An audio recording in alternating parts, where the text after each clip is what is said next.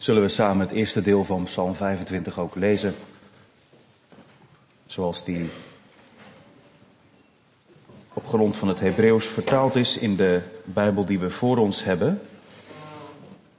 De onberuimde Psalm, Psalm 25, en we lezen vers 1 tot en met 14. En je ziet daarachter, jongens en meisjes,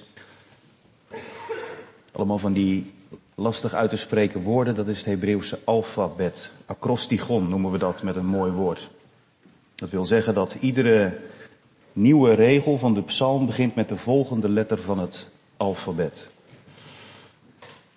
We lezen vers 1 tot en met 14 van psalm 25 en aansluitend lezen we vanuit het Nieuwe Testament Johannes 16 vers 1 tot en met 15. Johannes 16 vers 1 tot en met 15. Maar eerst dus Psalm 25. In deze Bijbel staat daarboven een mooie samenvatting van die best wel lange emotionele psalm. Gebed om bescherming en vergeving. Een psalm van David. Tot u, Heere, hef ik mijn ziel op. Mijn God, op u vertrouw ik. Laat mij niet beschaamd worden. Laat mijn vijanden niet van vreugde over mij opspringen. Ja, alle die u verwachten worden niet beschaamd. Beschaamd worden zij die zonder reden trouweloos handelen. Heren, maak mij uw wegen bekend. Leer mij uw paden. Leid mij in uw waarheid en leer mij. Want u bent de God van mijn heil. U verwacht ik de hele dag. Denk aan uw barmhartigheid, heren, en uw goede tierenheid, dat betekent uw verbondstrouw, want die zijn van eeuwigheid. Denk niet aan de zonde uit mijn jeugd. Of aan mijn overtredingen. Denkt u aan mij naar uw goede tierenheid, omwille van uw goedheid, heren. Goed en waarachtig is de Heere. Daarom onderwijst hij zondaars in de weg. Hij leidt zachtmoedigen in het recht. Hij leert zachtmoedigen zijn weg. Alle paden van de Heere zijn goede tierenheid en trouw. Voor wie zijn verbond en zijn getuigenissen in acht nemen. Omwille van uw naam, Heere. Vergeef mijn ongerechtigheid. Want die is groot. Wie is de man die de Heere vreest? Hij onderwijst hem in de weg die hij moet kiezen. Zijn ziel overnacht in het goede. Zijn nageslacht zal de aarde bezitten. Vertrouwelijk gaat de Heere om met wie hem vrezen. Zijn verbond maakt hij hun bekend.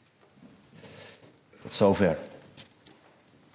De psalm en dan nu het evangelie van Jezus zoals Johannes dat heeft opgeschreven vanuit hoofdstuk 16, de versen 1 tot en met 15.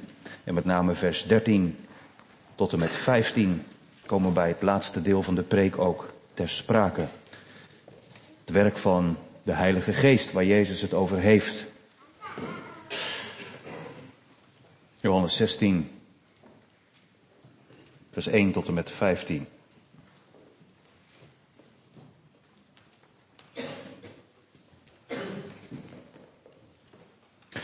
Dit heb ik tot u gesproken, opdat u niet struikelt. Ze zullen u uit de synagoge werpen. Ja, de tijd komt dat ieder die u doodt, denkt God een dienst te bewijzen.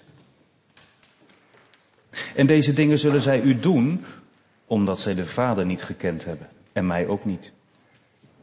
Maar deze dingen heb ik tot u gesproken, opdat wanneer de tijd komt, u zich herinnert dat ik ze u gezegd heb. Maar deze dingen heb ik van u vanaf het begin niet gezegd, omdat ik bij u was. En nu ga ik heen naar hem die mij gezonden heeft. En niemand van u vraagt mij, waar gaat u heen?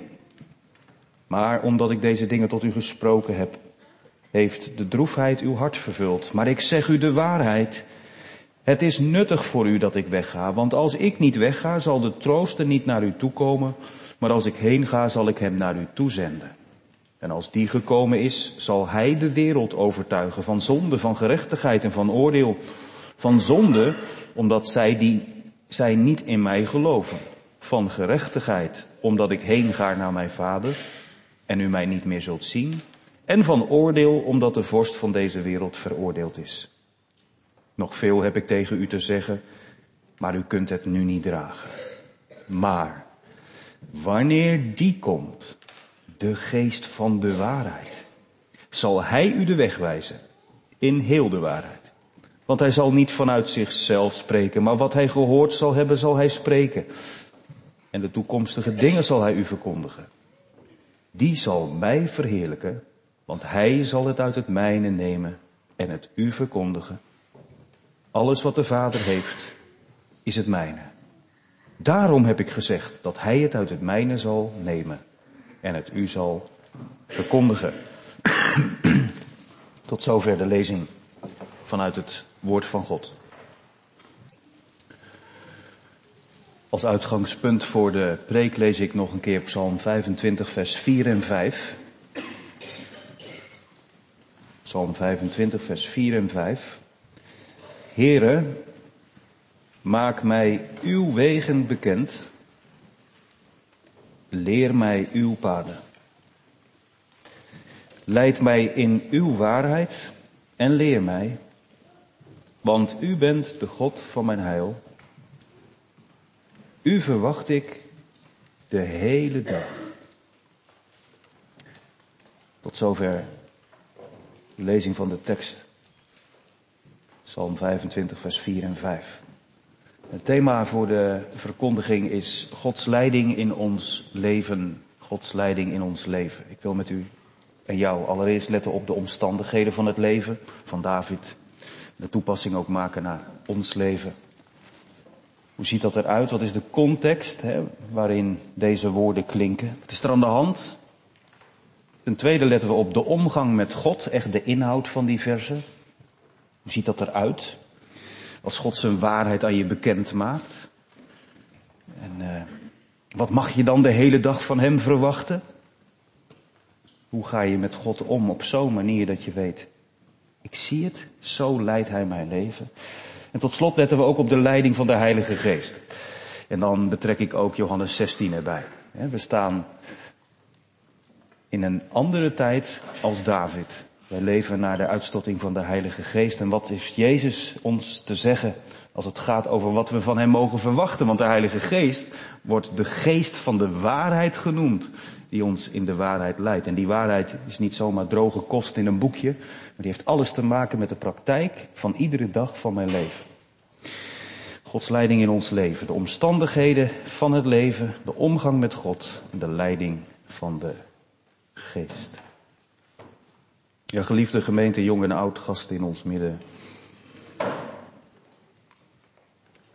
Over Gods leiding in ons leven gesproken. Weet u al wat het plan van God is met uw leven? Heb jij dat al ontdekt? Dat hele bijzondere plan wat God heeft met je leven?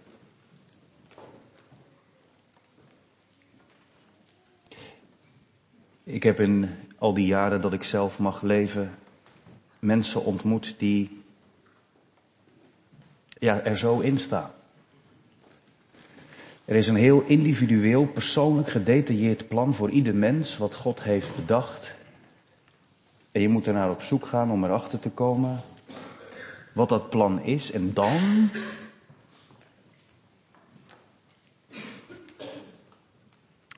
Zo heb ik mensen ontmoet, u kent ze misschien wel, of misschien was u het ooit, of misschien bent u het wel, die daar zo gigantisch mee is vastgelopen. Dat het je de adem beneemt en dat je je soms afvraagt, heeft het überhaupt wel zin om nog langer te wachten? Want dat plan komt niet. Bijvoorbeeld het plan van wat God bedacht heeft, nog voordat de wereld bestond. Die hele groep van schepselen die geboren zou worden, deel ik in, in, in twee delen. Mensen die naar de hemel gaan en mensen die in de hel eindigen. En dan is de boodschap om het plan van God te ontdekken dat je erachter komt, ja. Bij welke groep je hoort.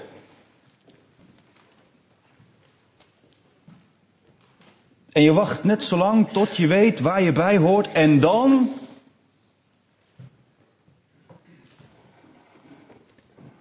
En dat wachten duurt lang. En ik zeg het in alle liefde, maar ik hoop dat als u hiermee loopt, of mensen kent die daarmee lopen, dat het u helpen mag. Heel radicaal. Dat plan van God, daar wacht je te vergeefs op. Zo bestaat dat niet. Er zijn ook mensen die zeggen het persoonlijke plan van God met jou is dat je gelukkig wordt. En gelukkig betekent dan vooral dat aan je wensen wordt voldaan. Leef je nog steeds onder een bedekking? Ben je nog steeds psychisch aan het tobben? Heb je nog steeds maar een modaal inkomen? Heb je het plan van God, dat hele individuele plan van God met jouw leven dan niet ontdekt? En dan komt er een waslijst aan bijbelteksten. Je kunt daar op aan. God heeft ons geluk voor ogen. Wie gelooft, ontvangt zegen en zegen is nooit tegenspoed. Wie God vertrouwt, die gaat het voor de wind. Want lijden, God wil toch geen lijden. En het kwaad, daar heeft hij toch een afschuw van. Ik heb er heel wat gesproken en soms ben ik in gesprek met mijn eigen ziel. Als ik daar op ga leunen, dan kom je zo vaak voor een muur te staan. En terecht. Want is dat hoe God ons leven leidt? Je ziet in de psalm die we hebben gelezen dat het toch net even wat ingewikkelder is. De omstandigheden van het leven. Betekent dat als je beleidenis van het geloof hebt afgelegd en je de belofte meekrijgt, weet je nog? Zo mooi. We ook geen woord van af. Stromen van levend water zullen uit je binnenste vloeien. Je zult vrucht dragen. Jezus Christus, wie van hem gedronken heeft, ja, die wordt een ander mens. Radicaal, helemaal. En tegelijkertijd blijf je wel helemaal mens. En hoe helder die geest ook het licht werpt op je leven. Soms is het knap ingewikkeld. Want je bent daar niet alleen. Het eerste wat opvalt in de omstandigheden van het leven van David is dat hij, en dat is echt niet alleen maar in Psalm 25 zo, dat hij zich voortdurend aan het verhouden is tussen, over de vraag, hoe moet ik mij opstellen ten opzichte van de mensen om mij heen? En dan komen die bekende beschrijvingen van vijanden, mensen die hem haten met een dodelijke haat. En zo op het eerste gezicht, jongelui, dan denk je, ja, dit is niet echt een lied van deze tijd. Wie steekt er nou zijn vinger op? Nou, dat zal een enkeling zijn die zegt van, nou, letterlijk stel ik me dat zo ongeveer voor. Dit is dan meer de context van hè, de Oekraïne of, uh, Noord-Korea. Dat je echt zo'n dodelijke haat voelt in de ogen of in de daden van mensen om je heen en dat daarom het zo moeilijk is om te geloven. Je kunt de psalmen ook gebruiken op een andere manier. Dat je die feitelijke gebeurtenissen uit het leven van een man lang geleden ziet ook als beelden van hoe in andere vormen er in jouw leven ook mensen kunnen zijn die, en daar gaat het dan om, die niet zeiden wat ze beloofden. Die je met woorden of daden hebben beschadigd. En als er dan ook nog eens mensen zijn die behoren tot de groep waarvan je eigenlijk zou moeten geloven dat zij betrouwbaar zijn, mede-christenen. En je legt dan je leven ernaast en je gebeden. Hoe heb ik het nu met u, Heere God? Ik hef mijn ziel tot u op, al zo vaak. En ik vraag niet langer of u mijn leven wil leiden. Ik geloof dat u mijn leven leidt. Maar waarom liet u dit dan toe? En hoe kan dit dan bestaan? De eerste les is dan meteen ook maar dat het dus heel erg bevrijdend kan zijn dat je met David zegt, laat ze ophouden, Heer God. En vooral laat het me niet zo vormen of misvormen dat mijn geloof daardoor bezwijkt. Of dat andere mensen hun winst halen over mijn rug en van vreugde opspringen. Maar maakt u aan mij uw wegen bekend. Leer mij uw paden. Is er iemand in de kerk die zegt, nou daar heb ik een hele concrete gedachte bij. Op het levenspad met God in mijn leven 4 juni 2023. Ik kijk even terug naar de afgelopen dagen, weken, maanden. Daar heb ik wel een hele concrete gedachte bij. Dan weet God wat u nodig hebt vanmorgen. Is dat dan precies het afgepaste antwoord van mij? En is dat dan heel bijzonder? Werkt God zo? Soms wel. Heel wonderlijk. Dat mensen die dingen niet van je weten ineens iets zeggen dat je denkt, hè? Dan moet je niet zeggen hè, dan moet je zeggen heilige geest. Dat is heilige geest. Heel bijzonder. Maar weet je wat net zo bijzonder is? Dat ook als het dan precies niet gaat over een stukje financiële nood of relatieproblematiek of zorgen over je kinderen. Van, hoe kan die dat nou weten? Maar in algemene zin dat je ontdekt, ook al staat niet mijn hele leven gedetailleerd beschreven in de Bijbel, hier kan ik wat mee. Wat David zegt heb ik ook nodig. Ik leef mijn leven, maar dat leven is in het licht van Gods leiding een leven dat allereerst een leven van gebed is. Heere, maak mij uw wegen bekend en leer mij uw paden. En dan niet van, mag ik nu alstublieft precies perfect passende antwoord? Nee, wat bedoelt hij hiermee? Het is niet van, Heere God, wilt u nou ineens uit de hemel naar beneden laten zakken van, oh, zo gaat de weg van God. Het is altijd mooi in de psalmen dat in de Hebreeuwse tekst er gebruik wordt gemaakt van een parallelisme. En synoniemen, die eigenlijk voor ons misschien een beetje langdradig zijn, maar in die context duidelijk maken, extra duidelijk maken waar het om gaat. Lees zo nog eens mee. Vers 4 en vers 5. Heere, maak mij uw wegen bekend en leer mij uw paden. Anders gezegd, wat, wat moeten we dan, waarbij moeten we denken? Uh, waaraan moeten we denken bij die wegen en die paden van God? Leid mij in uw waarheid en leer mij. En Jezus zou zeggen in het hoge priestelijk gebed, Vader, uw woord is de waarheid. Dat wat God van zich heeft laten horen, op schrift heeft laten zetten, in kleitabletten heeft laten krassen, of zelf met zijn heilige vinger heeft gedaan. Hoe hij zich heeft bekendgemaakt. Als je bidt en zegt, Heere, maak mij uw wegen bekend en leer mij uw paden dan vind je Gods plan niet per se heel persoonlijk alleen met jou, maar met alle mensen, alle zondaars die van genade moeten leven, al degenen die Hij heeft verkoren. Dat vind je in het woord. En dat is zo bevrijdend gemeten. Maar ook een hele verantwoordelijkheid. Je kunt niet bidden, Heere, wilt u alstublieft bekendmaken welke keuze ik moet maken en je Bijbel dichtlaten. En weet je wat het probleem is?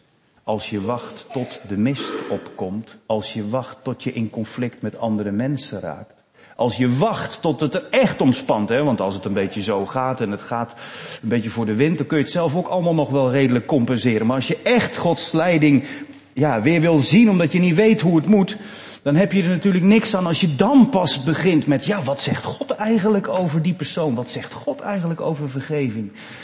Uh, wat betekent trouw zijn? Is dat echt over jezelf laten lopen tot, totdat je een, een psychisch wrak bent in een huwelijk? Of, of, of zijn daar ook begrenzingen? Wat zegt God er eigenlijk over? Dus met andere woorden, wij hebben in de omgang met God bij de vraag hoe Hij ons leven leidt kennis nodig van de schrift. En dat is niet zo nu en dan een keer thematisch een bijbelstudietje doen. Het kan aan mij liggen, maar dat is wel mijn persoonlijke ervaring, dat het daar vaak aan schort. Omgang met de Heere betekent allereerst weten, hoe heeft Hij zich bekendgemaakt? En dan gaat er een wereld voor je open. Als God zijn paden in je huwelijk, in je gezin, in de gemeente bekend maakt door zijn woord, dat je je er steeds weer over verbaast en verwondert. Heren, wat is er nog veel meer van u te kennen en te leren als het gaat over wat is trouw zijn? Hoe ga ik met mijn centen om? Wat is een man naar Gods hart? Wat is een vrouw in de gemeente als het gaat over wat zij kan in haar dienen? Hoe ga ik om met andersdenkenden in de gemeente? Hoe ga ik om met andersgelovigen buiten de gemeente? Het zijn allemaal vragen die je tegenkomt en die te maken hebben met ons leven. Want ik zie hier en daar geen verbouwereerde reactie van. Wat, wat, wat somt de dominee nou allemaal op? Wat is dat voor leven? Dat zijn toch de dingen waar je soms dagelijks mee te maken hebt. En dan. Ik kwam bij een collega, ere wie ere toekomt, een heel mooi voorbeeld tegen wat u denk ik kan helpen. Het is niet echt gebeurd, maar het zou wel echt gebeurd kunnen zijn. Uit het leven gegrepen. Hij vertelt het denkbeeldige verhaal van een jonge piloot die uiteraard aan het vliegen was.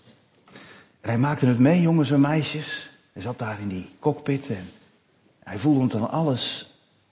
En hij zag het op de radar ontstaan. Het weer slaat om. En dan kan het spannend worden. Soms door storm, maar nu was het mist. Ja. Als je een goed vliegtuig hebt met een werkende radar en een piloot die een goede opleiding heeft gehad, ben je voor een beetje mist niet bang. Maar hij was jong en nog niet zo ervaren. Stel je voor. Ik krijg al zweethanden eh, om, om bij mooi weer ineens, hè, dat heb je wel eens in een droom, dan word je wakker. Uh, dan val je, dan ben je aan het droom. En dan, dan, dan, dan ineens zit je in een situatie van, je zit in een, in een vliegtuig. En, en, en, en dan? Nou, deze jongen, die komt in die spannende situatie terecht. Net geslaagd. En nou moest hij op zijn instrumenten leren vertrouwen.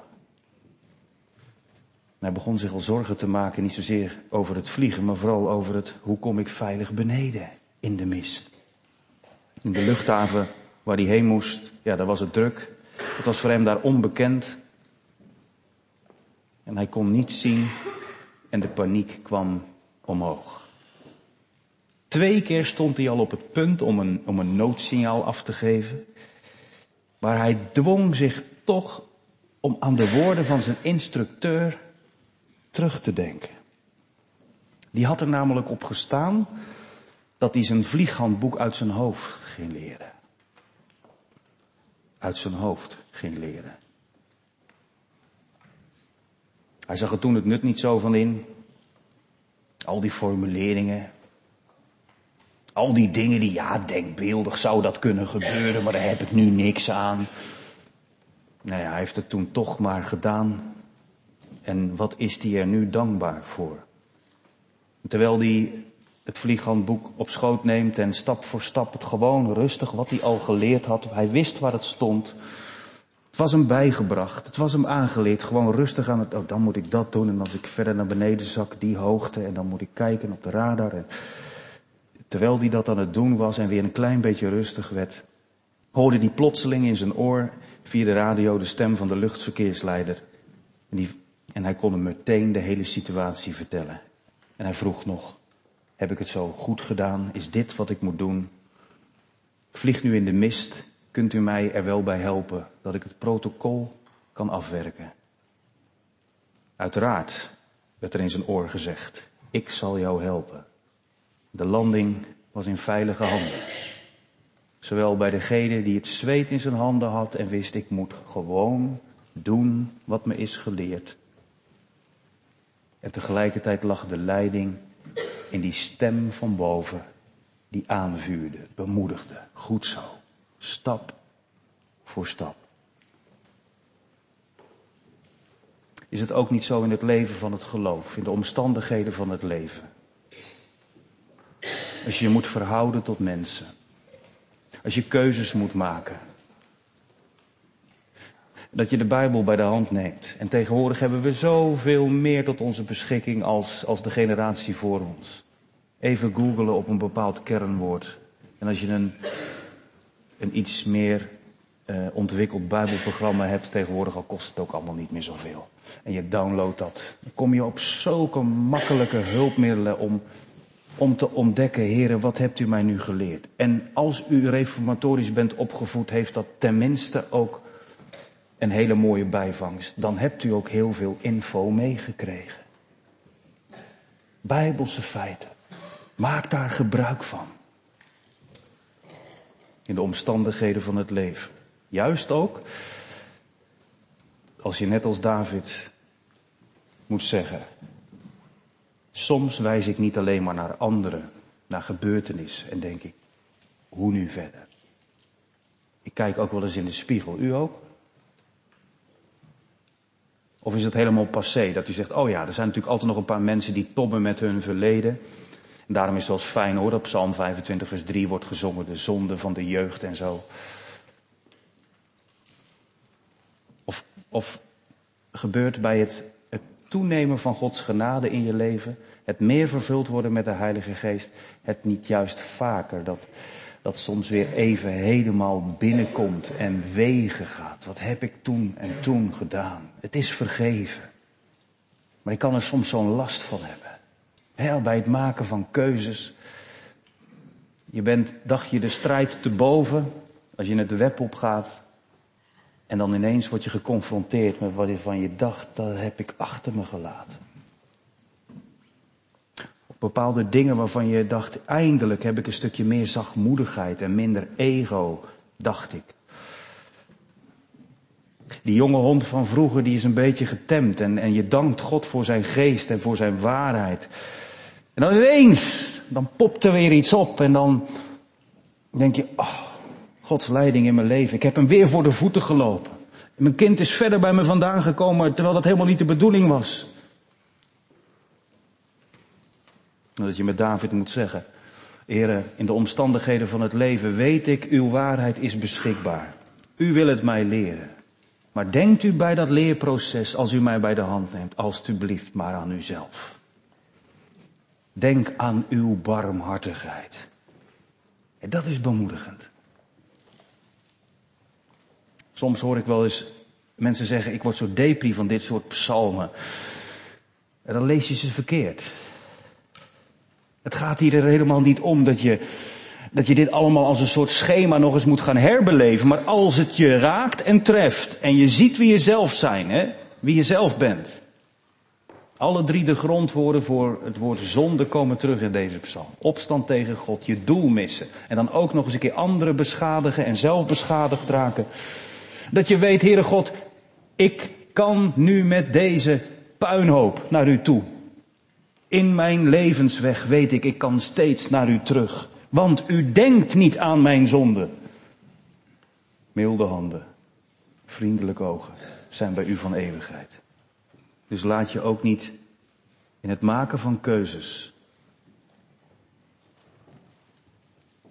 klein houden door de Satan die zegt, ach jij.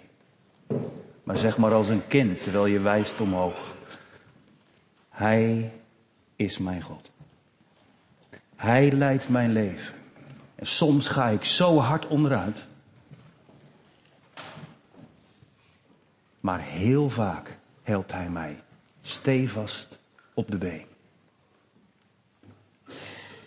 Ja, dat is de omgang met God gemeente. Ik had het nog niet gemeld en ik hoop dat u het door had. Anders excuses daarvoor. We zijn nu wel vol al bij punt 2. Dus jongens en meisjes, dat is ook gelijk een geruststelling. Als nu punt 2 nog zou moeten beginnen, dan wordt het wel weer later. Wat is nou omgaan met God? Omgaan met God gemeente is hem vertrouwen dat dat wat hij in de gids die hij ons meegeeft, opgeschreven heeft, dat hij ons daarmee ook echt leert. Dat is dat samen opgaan van niet alleen vragen, maak bekend hoe ik het moet doen, maar dan vervolgens ook echt met open ogen niet alleen dat woord lezen, maar ook je leven leven. Heren, leid mij in uw waarheid. Hoe vaak kom je in de Bijbel niet tegen dat die waarheid van God jou iets leert in de ontmoeting met mensen? Dan mag je zo de dag beginnen. Heren, ik weet dat u mijn leven leidt. Ik weet dat de mensen die op mijn pad komen iets te maken hebben met u en mij. Hoe ik het dan moet doen, geef mij dan de woorden in de mond. Wat geeft dat een vrede en een vreugde? Als dat leefhandboek je steeds meer eigen wordt. Dat je steeds minder hoeft te bladeren, maar dat het door de geest in je hart is. Als je geconfronteerd wordt met haat, als je geconfronteerd wordt met zonde, als je geconfronteerd wordt met onveiligheid. Als je te maken hebt met onzekerheid. Hoeveel machtige beloften staan er niet? Dat hij met je is. Ook als je het niet ziet. Dat hij je nooit loslaat, ook als jij soms denkt, nu heb ik het de bond gemaakt. Dat hij altijd te vertrouwen is, ook al fluistert de Satan in, zou je niet toch een beetje, duurt wel lang hè, ga maar wat proberen, ga maar wat maken. Nee, ik vertrouw erop. Hij helpt mij, hij zal het voor mij afmaken. En tegelijkertijd, als de duivel zegt, nee, je mag helemaal niks doen, dan moet God doen, wacht maar op een bijzondere tekst. Nee, dat de Heer juist je ook nu leert, die staan er. Die mag je uit het woord op jezelf betrekken. Leid mij in uw waarheid en leer mij. Want u bent de God van mijn redding. Waar ik ook doorheen moet. Als u mij op het pad van het leven hebt gezet. Alles wat ik tegenkom staat in het kader van mijn redding. En redding gemeente is echt veel meer dan weten dat je zonden vergeven zijn. Ik zeg het nog maar een keer. Dat is totdat je adem eruit gaat. Heel dat proces waarin je gevormd wordt door de Here. En daarvoor gebruikt hij zegen. Maar zegen is niet altijd voorspoed. Daarvoor gebruikt hij soms tegenspoed. Maar tegenspoed geeft soms juist blijdschap. Daarvoor laat hij het kwaad toe in de engel van een Satan in het leven van Paulus, zodat Paulus moet leren.